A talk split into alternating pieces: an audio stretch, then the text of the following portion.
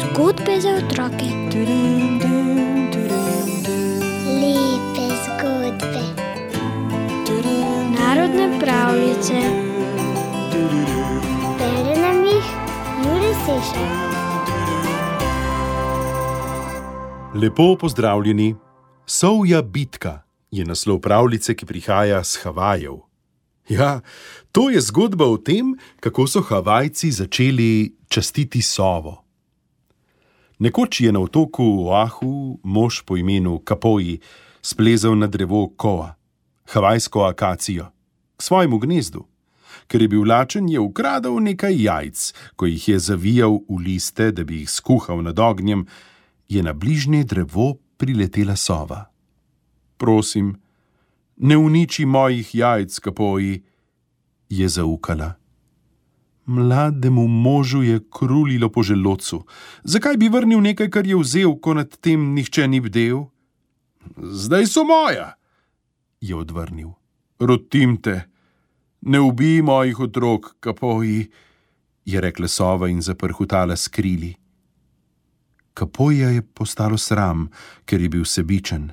Nenadoma ni bil več tako lačen, le kako bi lahko jedel jajca, sova pa bi ga gledala. Prav, na, vzemi jih nazaj, ne morem uživati na račun nekoga drugega, je dejal. Sova mu je sedla na ramo in zašepetala. Hvala, kapoji. Ime mi je Pueo. Jaz sem boginja, za katero vi smrtniki še niste slišali. Postavi mi oltar, pa bom tvoje ljudstvo varovala pred zlom. Boginja, ki se je zavezala, da bo ljudi varovala pred zlom, kako je nabral kamne in les ter zgradil oltarček. Žrtvoval je sovji boginji. Dim z oltarja se je pel v nebo in se zahvaljeval sovi poejo, ker varuje ljudi. Sova je nežno zaukala in odletela. Kapoji je vedel, da je ravnal prav. Vendar je nekdo opazil dim na nebu, nekdo zelo pomemben. To je bil kralj otoka Oahu, kako Hiveva. Ma res nekdo žrtvuje brez mojega dovoljenja, je zagrmel in zaripnil od jeze. Se ljudje ne zavedajo, da sme z ognjem žrtvovati samo kralj? Poslal je vojščake naj raziščejo, kaj se dogaja.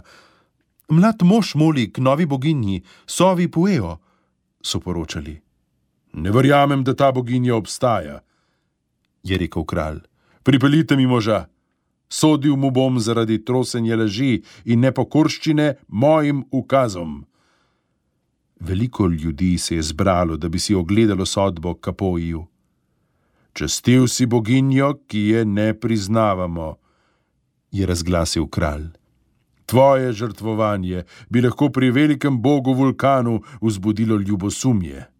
Nad nas bi lahko poslal ognjeni dež ali celo potopil naš otok, zato te bom izgnal od tot kapoji. Moji vojščaki te bodo odpeljali na zapuščen otok, daleč od doma, odkudar se ne boš nikoli vrnil. Zapuščen otok, daleč od doma. To bi bilo kot zapor na prostem, nikjer nikogar, s komer bi delil jedačo, užival ob glasbi ali se pogovarjal, nikjer nobenega družinskega člana, ki bi ga lahko obiskal. Oh, pojejo, je šepnil kapoji. Prizanesel sem življenju tvojih otrok, reši me pred usodo, hujšo od smrti. Nenadoma se je stemnilo. Kapoji in kralj sta se ozrla v nebo in zagledala tisoče sov, ki so se zgrinjale nad množico. Čudno, saj, saj sove ponavadi letajo samo po noči, varno zavite v plašč teme. Poveljnik vojske je zatulil v školko, voščaki so v zrak uperili kopja in gorjače, na katere so bili pritrjeni zobje morskih psov. Sove so se spustili nad bojevnike, jih kljuvale s kljuni in suvale s krempli. Voščaki so se nagnetli okrog kralja. Kapoja pa ni nihče več stražil. Nihče. Neka sova je s kljunom raztrgala vezi na njegovih rokah in ga osvobodila. To je bila sova Poeo, ki je milost povrnila z milostjo. Hej, ta sova je res mogočna, je zaklical kralj Kakuhiueva. Njej na čast bomo zgradili oltarje in templje, v njenem imenu bomo plesali. V zahvalo pa nas bo varovala, je rekel Kapoji.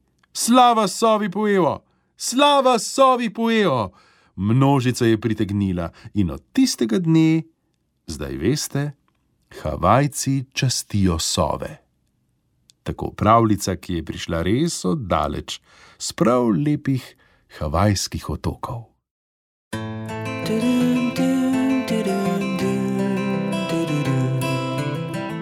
Zgodbe za otroke.